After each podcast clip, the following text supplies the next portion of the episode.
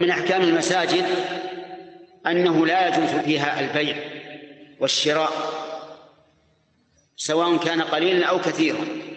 لو تبع شيئا بقرش واحد أو بهللة واحدة فإن ذلك حرام عليك. والبيع فاسد لا ينتقل فيه الثمن للبائع ولا المبيع للمشتري. ويجب أن يرد كل واحد منهما للآخر ما أخذه منه. سواء قل أو كثر. حتى لو قال يا فلان عندك الحاجة الفلانية؟ قال نعم. قال أرسل لي منها كذا وكذا. مثلا قال له عندك رز قال نعم. قال أرسل لنا منه كيس. وهو في المسجد؟ فهذا حرام. لأن هذا بيع وشراء.